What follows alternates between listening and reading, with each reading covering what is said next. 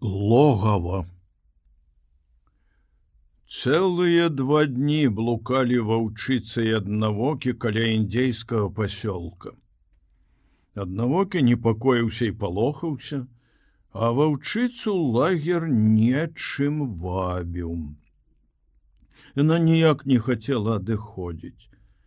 Але аднойчы раніцай, калі ў паветры зусім недалёка ад іх пачуўся стрэл і куля стукнулася ў дрэва ўсяго за некалькі дзюймаў ад галавы аднавокага, Ваўкі ўжо больш не вагаліся і пусціліся ў дарогу доўгімі рознымі скокамі. Хутка павялічваючы адлегласць паміж сабой і небяспекай. Яны беглі нядоўга ўсяго два дні. Ваўчыцца ўсё больш настойліва шукала. Яна моцна абцяжэла за гэтыя дні і не могла хутка бегаць. Аднойчы пагнаўшыся за трусом, якога ў звычайны час яна б вельмі лёгка злавіла, Цяпер жа раптам кінула пагоню, і прылягла на снег адпачыць. Аднавокі падышоў да яе, але не паспеў ён ціхенька дакрануцца мордай яе шы, як ваўчыцца з такой лютасцю рванула яго зубамі, што ён паваліўся на спіну і выкручваючыся ад яе пашчу меў досыць смешны выгляд. Ваўчыца зрабілася яшчэ больш злоснай, чым раней але аднавокі быў цярплівы і клопатлівы як ніколі. І вось нарэшце ваўчыца знайшла тое, што шукала. Знайшла за некалькі міль уверх па цячэнню невялікага ручая, які летам упадаў у Макензі. Цяпер, Прамерзнуўшы да камяністага дня, ручай заціх, ператварыўшыся ад вытокаў да вусця в адну суцэльную белую масу. Ваўчыца зморанай рыссю бегла ззаду аднавокага, які адышоў далёка наперад і раптам заўважыла, што в адным месцы высокі бераг навісае над ручаём. Яна звярнула ў бок, подбегла туды, Буйныя вясеннія ліўні і талы снегі размылі вузкую шчыліну ў беразе і ўтварылі там невялікую пячору. Паўчыца спынілася ля ўвахода, уважліва агледзела сцяну пячоры, Затым абегла яе з абодвух бакоў, пачынаючы з асновай да таго месца, дзе круча пераходзіла ў адхонны спад. Вярнуўшыся да пячоры, яна ўвайшла ўнутр праз вузкую адтуліну. Першыя футы тры ёй прыйшлося прапаўсці. Потым сцены раздаліся ў шыры вышыню, і ваўчыца выйшла на невялікую круглую пляцоўку футаў шасці ў дыяметры. Галавой на амаль дакраналася столі. Унутры было сухай утульным. Ваўчыца пачала ўважліва аглядаць всю пячору, а аднавокі стаяў ля ўвахода і цярпліва назіраў за ёй. Апусціўшы галаву, амаль закранаючы носам блізка састаўленыя лапы, Ваўчыца перакруцілася некалькі разоў вакол сябе, не то са змораным уздыхам, не то з бурчаннем падагнула ногі і, расцягнулася на зямлі галавой да ўвахода. Адно натапырыўшы вуш ад цікавасці, подсмейваўся над ёй. І ваўчыца было відаць, як кончык яго хваста дабрадушна ходзіць узад і ўперад на фоне светлай плямкі для ўваходу ў пячору. Мяккім рухам яна на одну секунду прыціснула свае вушы, вострые да головы, открыла пашчу і высунула язык усім сваім выглядам выказваючы поўнае задавальненне і спакой. Аднавокі быў галодны, Хоць ляжачы ля ўвахода ў пячору ён спаў, але сон яго быў трывожны. Ён увесь час прачынаўся і натапырыўшы вушы прыслухоўваўся да навакольнага свету, залітага яркім красавіцкім сонцам, якое іграла на снезе. Як толькі аднавокі пачынаў драмаць, да вушэй яго далятаў ледзь уломны шэп нябачных ручайкоў, Ён ускокваў і напружана ўслухоўваўся солнце вярнулася і абуджаная поўнач пасылала свой заклік ваўку все навокал ажывала у паветры адчувалася вясна под снегам зараджалася жыццё дрэвы набрынялі сокам пупышки скідалі з сябе ледзяныя ковы аднавокі трывожна пазіраў на сваю сяброўку не выказвала ніякага жадання падняцца з месца.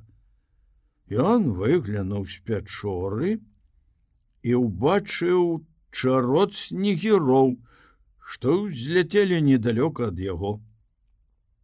Навокі прыўзняўся, але зірнуўшы яшчэ раз на сваю сяброўку лёг і зноў задрамаў. Да яго вуха данеслася, нейкае гудзенне. Скрозь дрымоту ён некалькі разоў абмахнуў лапай морду, потым прачнуўся ля кончыка яго носа, з гудзеннем віўся камар. Камар быў вялікі. Мабыць, ён правёў усю зіму ў сухім пні, а цяпер сонца вывела яго са здранцвеннем. Воўк не мог працівіцца закліку навакольнага свету. Апрача таго ён быў галодны. Аднавокі падпоўз да сваёй сяброўкі і паспрабаваў пераканаць яе падняцца. Але яна так грозна зарыкала на яго. Воўк вырашыў адправіцца адзін, і выйшаўшы на яркое сонечное святло убачыў што снег под ногами проваливается подорожжу будзе справай нелёгкой и он побег уверх по замёрзлым ручаі дзе снег теню дрэў быў все яшчэ цвёрдый чыстым. Праблукаўшы гадзін 8 аднавокі вярнуўся калі ўжо сцямнела яшчэ больш галодны. Ён не раз бачыў дзічыну не мог злавіць яе. Трусы лёгка скакалі по талым насця а ён правальваўся і болтаўся ў снезе. Нейкае неяснае подазрэнне прымусіла яго спыніцца ля ўвахода ў пячору. От адтуль даляталі чужыя яму гукі. Яны не былі падобныя на голас ваўчыцы. Але разам з тым у іх чулася нешта знаёмае. Ён асцярожна ўпоўз у пячору, яго засцерагаючым рыкам сустрэла ваўчыца. Яе рыканне, не збянтэжыла аднавокага, але прымусіла ўсё ж трымацца воддаль.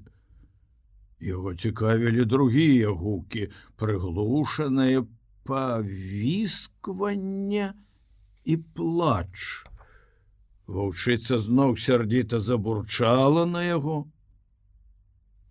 Ён скруціўся клубком ля ўваходу ў пячору і заснуў. Калі настала раніцай у логава пранікла цьмянае святло, Воўк зноў пачаў шукаць крыніцу гэтых невыразна знаёмых гукаў. У засцерагаючым рыканні ваўчыцы з'явіліся новыя ноткі. У ім гучала рэўнасць, і гэта прымушала ваўка трымацца на досыць вялікай адлегласці. І ўсё ж яму ўдалося разгледзець, што паміж нагамі ваўчыцы, прытуліўшыся да яе жывата, варушацца пять маленькіх жывых клубочкаў, слабыя, бездапаможныя, Яны ціха вішчэлі і не расплюшчвалі вачэй на святло. Воўк быў здзіўлены. Это здаралася не ў першы раз у яго доўгім і шчаслівым жыцці, здаралася часта. І ўсё ж кожны раз ён нанова здзіўляўся. Яго сяброўка глядзела на яго, з трывогай. Час ад часу яна ціха бурчала, А калі воўк, як ёй здавалася, падыходзіў надта блізка, то бурчанне пераходзіл у пагрозу. Яе вопыт нічога ёй аб гэтым не гаварыў. Але інстынкт, які замяняў усім матку, бабкам ваўчыцам вопыт невыразна падказваў ёй, што бацькі паядаюць сваё бездапаможнае патомство. Гэты інстынкт выражаўся ў страху, які прымушаў яе гнаць ад навокага ад вытвараных ім ваўчанят. Між іншым ніякай небяспекі не было. Стары воўк у сваю чаргу адчуў загад інстынкту, які перайшоў ад бацькоў. Не задумваючыся над ім, не стараючыся даць яму якое-небудзь тлумачэнне, ён адчуваў яго ўсёй сваёй істотай, паслухаўшы голас інстынкту, папросту павярнуўся спінай да свайго нованароджанага сямейства і адправіўся на пошукі ежы. За 5-6 міль адлога выручай разгаліноўваўся, і абодва яго рукавы пад прамым вуглом паварочвалі да гор. Воўк пайшоў здоўж левага рукава і натрапіў на след. Абнюхаўшы след і пераканаўшыся, што сляды зусім свежыя, Ён прытуліўся да зямлі, зірнуў тым кірунку, куды яны вялі. Потым ён асцярожна павярнуўся і пабег уздоўж правага рукава. Сляды былі значна большыя, чым яго ўласныя. Ён ведаў, што там, куды яны прывядуць, надзея на здабычу малаем. Прабегшы з паўмілі ўздоўж правага рукава, ён злавіў сваім чуллівым вухам, як нечыя зубы грызуць дрэва. Падкраўшыся бліжэй, ён убачыў, што гэта быў дзікабраз, які тачыў зубы аб кару, стаўшы перад дрэвам на заднія лапы. Аднавокі асцярожна падкраўся да яго, не спадзяючыся між іншым на ўдачу. Ён ведаў гэтага звера, хоць так далёка на поўначы дзікабразы яму не трапляліся, і за ўсё сваё жыццё ён ні разу не пакаштаваў іх мяса. Але вопыт навучыў ваўка, што бывае ў жыцці шчасце або ўдача, і ён прадаўжаў падбірацца да дзікабраза. Цяжка ўгадаць, чым скончыцца гэтая сустрэча, бо зыход барацьбы ніколі нельга ведаць загадзя. Дзікав раскруціўся клубком, яго доўгія вострыя іголкі тырчалі ва ўсе бакі, нападзенне было цяпер немагчымае. У маладосці аднаго кіпткнуўся аднойчы ў такі ж самы безжыццёвы са знешняга выгляду клубок іголак, і нечакана атрымаў удар хвастом па носе. Адна іголка так і засталася тырчаць у ягонай мордзе, прыносячы пякучы болі, выйшла з раны толькі праз некалькі тыдняў. Таму ён лёг, уладзіўшыся больш зручнай на адлегласці цэлага фута ад хваста дзікабраза. Замёршыў такім стане, Ён прыгатаваўся чакаць. Хто ведае, що можа здарыцца. Раптам дзікабраз раскруціцца, раптам выпадзе магчымасць спрытным ударам лапы распароть далікатнае, нічым не ахаваны жывот. Але праз паўгадзіны воўк падняўся злосна зарыкаў на нерухомы клубок і пабег далей. Вельмі часта даводзілася яму мінулым пільнаваць дзікабразаў без усякага выніку, каб зараз траціць на гэта час. І ён пабег далей па правым рукаве ручая. Дзень заканчваюўся, а яго пошукі ўсё яшчэ былі, беспаспяховыя. Набуджаны інстынкт бацькоўства кіраваў воўкам. Ежу трэба знайсці, чтоб там не было. У поўдзень аднавокі наткнуўся на белую курапатку. Ён выбег з зарасніку хмызняку і апынуўся нос у нос дурной птушкой. Яна сядзела на пні на адглегласць якога-небудзь фута ад яго морды. Яны ўбачылі адзін аднаго адначасова птушка спалохана взмахнула крыльлямі, але воўк ударывае лапай зваліў на зямлю, кінуўся і схапіў курапатку зубамі якраз у той момант, калі яна пачала кідацца па снезе, спрабуючы ўзляцець у паветра. Як толькі зубы ваўка уеліся ў далікатнае мяса, ламаючы крохкія косці, ён пачаў было есці птушку. Потым раптам успомніў нешта і пусціўся бегчы да пячоры, несучы курапатку ў зубах. Прабегшы яшчэ з мілю сваім бесшумным поступам, слізгаючы нібы цень, уважліва прыглядаючыся да кожнага новага павароту дарогі, Ён зноў наткнуўся на адбітак тых вялікіх лап, сляды якіх ён яшчэ ўбачыў досведкам. Сляды ішлі па яго дарозе. І ён прыгатаваўся ў любую хвіліну сустрэць уладальніка гэтых лап. Аднавокі асцярожна высунуў галаву з-за скалы ў тым месцы, дзе ручай круто паварочваў бок, і яго пільныя вочы заўважылі нешта такое, што прымусіла яго зараз жа прылегчы на зямлю. Гэта быў той звер, якому належалі вялікія сляды. Вялікая самка рысь. Яна ляжала перад дзікабразам, які скруціўся ў шчыльны клубок у той жа позе, у якой не так даўно ляжаў перад ім і воўк. Калі раней ваўка можна было параўнаць з плывучым ценем, то цяпер это была здань таго ценю, якая асцярожна гінала маўклівую нерухомую, пару з-пад ветранага боку.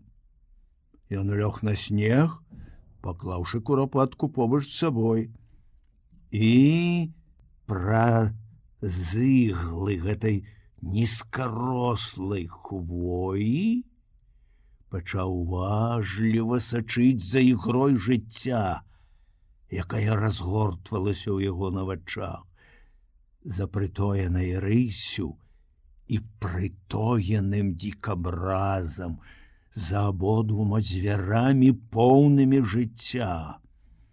Вся асаблівасць гэтай ігры заключалася для аднаго боку ў тым, каб з'есці другі, а для другога, каб не быць з'едзеным. І стары воўк аднавокі, схаваўшыся за дрэвамі, таксама прымаў удзел у гэтай ігры, спадзяючыся, што выпадак дапаможа і ён атрымае ежу неабходную яму, каб жыць. Мінула паўгадзіны, мінула гадзіна, ўсё заставалася па-ранейшаму, клубок іголак захоўваў поўную нерухомасць, яго лёгка можна было б палічыць за камень. Рысь ператварылася ў статую з мармуру, аднавокі той здаваўся мёртвым. Аднак усе трое жылі такім напружаным жыццём, напружаным амаль да адчування фізічнага болю, што наўрад ці калі-небудзь даводзілася ім адчуваць у сабе столькі жыцця, як зараз, калі цела іх здаваліся скамянелымі аднавокі ледь паварушыўся і назіраў далей з яшчэ большай цікаўнасці. Адбыліся нейкія перамены.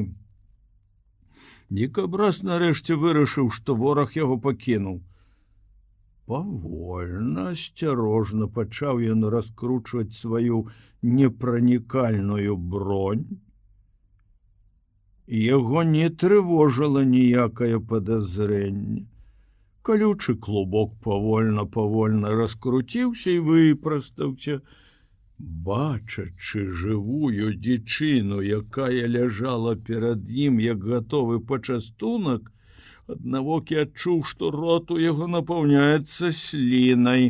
Яшчэ не паспеўшы як належыць раскруціцца дзікабраз заўважыў свайго ворага і ў гэты момант рысь ударыла яго Удар быў хуткі як маланка, лапа з моцнымі кіпцюрамі сагнутымі як у драпежнай птушкі распарола далікатны жывот і зараз жа адскочыла назад.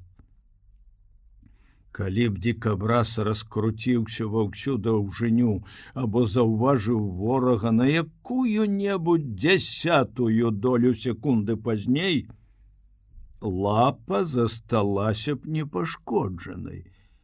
Але ў той момант, калі рысь аддзёрнула лапу, дзікабраз ударыў яе з боку хвастом і ўсадзіў яе вострыя іголкі. Всё адбылося адначасова. Удар, удар в адказ перадсмяротны віск дзікабраза і крык параненай вялікай кошкі ашаломленай болем. Аднавокі прыўзняўся, натапырыў вушы і выцягнуў хвост, які дрыжэў ад узбуджэння. Злосць затуманила рысі галаву. Яна з ярасцю накінулася на звера, які прычыніў я такі боль, але дзікабразка вычачы і рохкаючы, цягнучы за сабой выпаўшыя з распа упоратага жывата вантроба і спрабуючы скруціцца ў клубок яшчэ раз махнуў хвастом і вялікая кошка зноў завыла ад нечаканага болю. Яна пачала адступаць задам, не перастаючы чхаць. Нос яе ўвесь абтыканы іголкамі, быў падобны да велізарнай падушки для шпілек. Рысь драпала нос лапамі, стараючыся вызваліцца ад гэтых пякучых, як агонь стрэл уткнулася мордай у снег, цёрлася аб галінкі, не спыняючы скакаць ва ўсе бакі уперад назад направа налево, не памятаючы сябе ад страшэннага болю і страху. Яна ўвесь час чхала, сутаргава біла сваім кароткім хвастом, потым скачкі е спыніліся, і яна заціхла. Аднавокі сачыў за ёй, нават уздрыгануўся і натапырыўся, калі рысь раптам з дзікім выцём знялася высока ў паветра. Яна кінулася па сцежцы, пры кожным скачку прарэзліва выючы. І толькі тады, калі рысь, якая ляцела куля знікла і выццё яе замерла ў далечыні, аднавокі адважыўся выйсці ўперад. Ён ішоў з такой асцярожнасцю, нібы ўвесь снег быў засыпаны іголкамі, гатовымі кожную хвіліну ўпіцца ў мяккія падушкі яго лап. Дзекабраз сустрэў з'яўленне ваўка лютым віскам і лясканнем доўгіх зубоў. Ён зноў ухітрыўся скруціцца, але гэта ўжо не быў ранейшы непранікальны клубок. Папсаваныя мускулы не слухали яго. Ён быў раздзёрты амаль папалам і сплываў крывёй.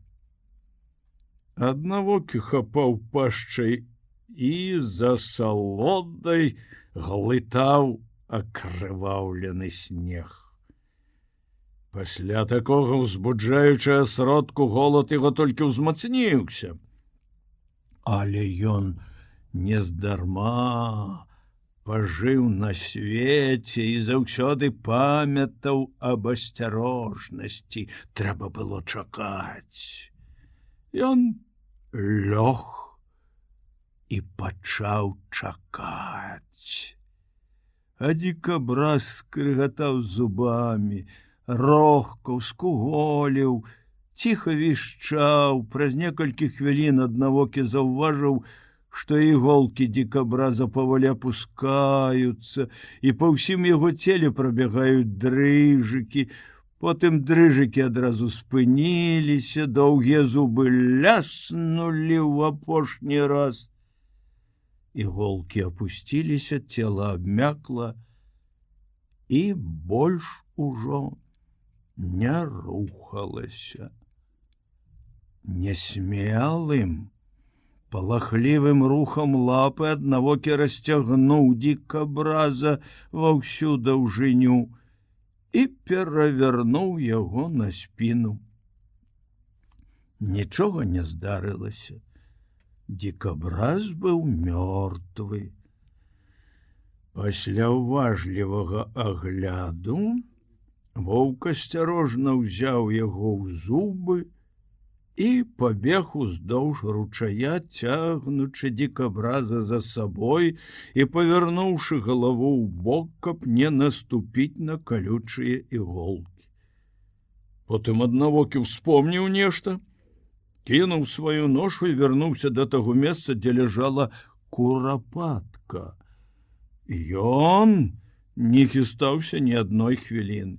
Ён ведаў, што трэба зрабіць, трэба з'есці курапатку. Затым аднавокі пабег назад і падняў сваю ношу. Калі ён уцягнуў здабычу ў логава, ваўчыца гледзела яе, павярнула да ваўка галаву і злёгку лізнула яго ў шыю.